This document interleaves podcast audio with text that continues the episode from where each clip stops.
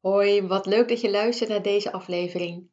Mocht je me nog niet kennen, ik ben Esmeralda en ik ben trainer in de filosofie van Louise Hay.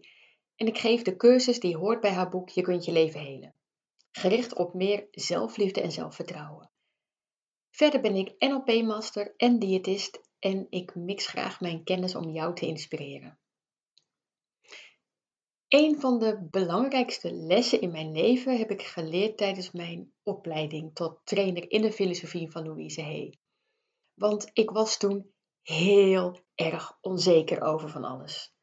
En ik dacht toen, als ik daar nou eens van af ben, dan ben ik goed. Dan ben ik goed genoeg. Dan tel ik mee. Dan is heel mijn leven goed. Dan kan ik mezelf accepteren.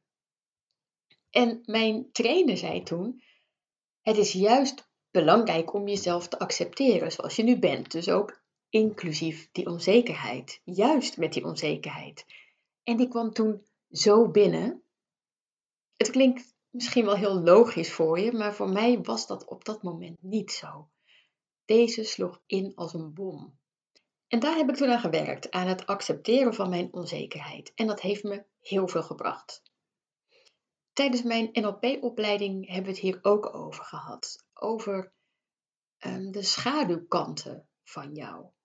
Um, Carl Jung die sprak hier ook al over. Over die schaduwkanten. Jouw schaduwkant is de persoon die je niet wil zijn, maar um, wat wel in je zit.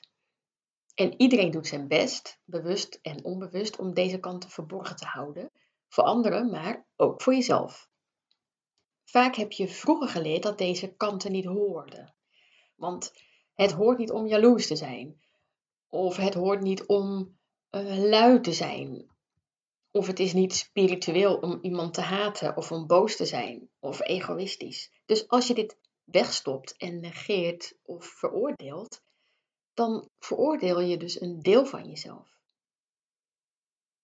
Dus wat ik jou hierover wil meegeven, is juist door datgene te accepteren wat je niet wil, maak je stappen. Want ja, wat zijn jouw donkere kanten?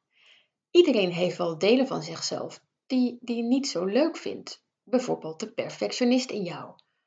Of de controlfreak. Of de kattenkop. Of het jaloerse deel van jou. Of de wraakzuchtige. Misschien vind je het deel in jou dat met een zak chips uh, of een rol koekjes op de bank belandt als ze zich rot voelt wel verschrikkelijk. Of het deel in jou dat roddelt. Nou ja, je snapt vast wat ik bedoel. En juist als je denkt dat je dat eerst even moet fixen voordat je goed genoeg bent, dan heb je het mis. Dan kom je er niet, want het hoort bij jou. Al jouw angsten, oordelen, het is een deel van jou, gevormd door jouw overtuigingen en gedachten. En als je iets accepteert, wil dat dus niet zeggen dat je het niet wil of kan veranderen. Want dat denken mensen vaak. Van ja, als ik iets accepteer, ja, nou dan leg ik er me bij neer. Dat hoeft dus niet. Dat is heel wat anders. Je kan en iets accepteren en het ook anders doen. Dan kan je het juist anders doen. Dan kan je het juist veranderen door iets te accepteren. Ik kon niet dat onzekere deel van mij verbergen en afkeuren en tegelijkertijd meer zelfvertrouwen voelen. Door mijn onzekere zelf te zien dat het er mag zijn, dat heeft juist voor zelfvertrouwen gezorgd. Als je blijft vechten tegen iets, kan je het niet loslaten, pas als je het liefdevol omarmt. En weet je waarom het een donkere kant van jezelf is? Omdat je het afkeurt. En eigenlijk kan je het zo zien, als je die donkere kant van jou in het licht zet, dan is er geen donker meer. Dus omarm alle delen van jezelf. Alle delen, want jij bent helemaal goed zoals je nu bent. Met alles erop en eraan. Zet alle delen van jezelf in het licht. Omarm ze liefdevol, accepteer ze. Dit is een mooi proces op weg naar meer zelfliefde. Nou, dat is een korte aflevering dit keer.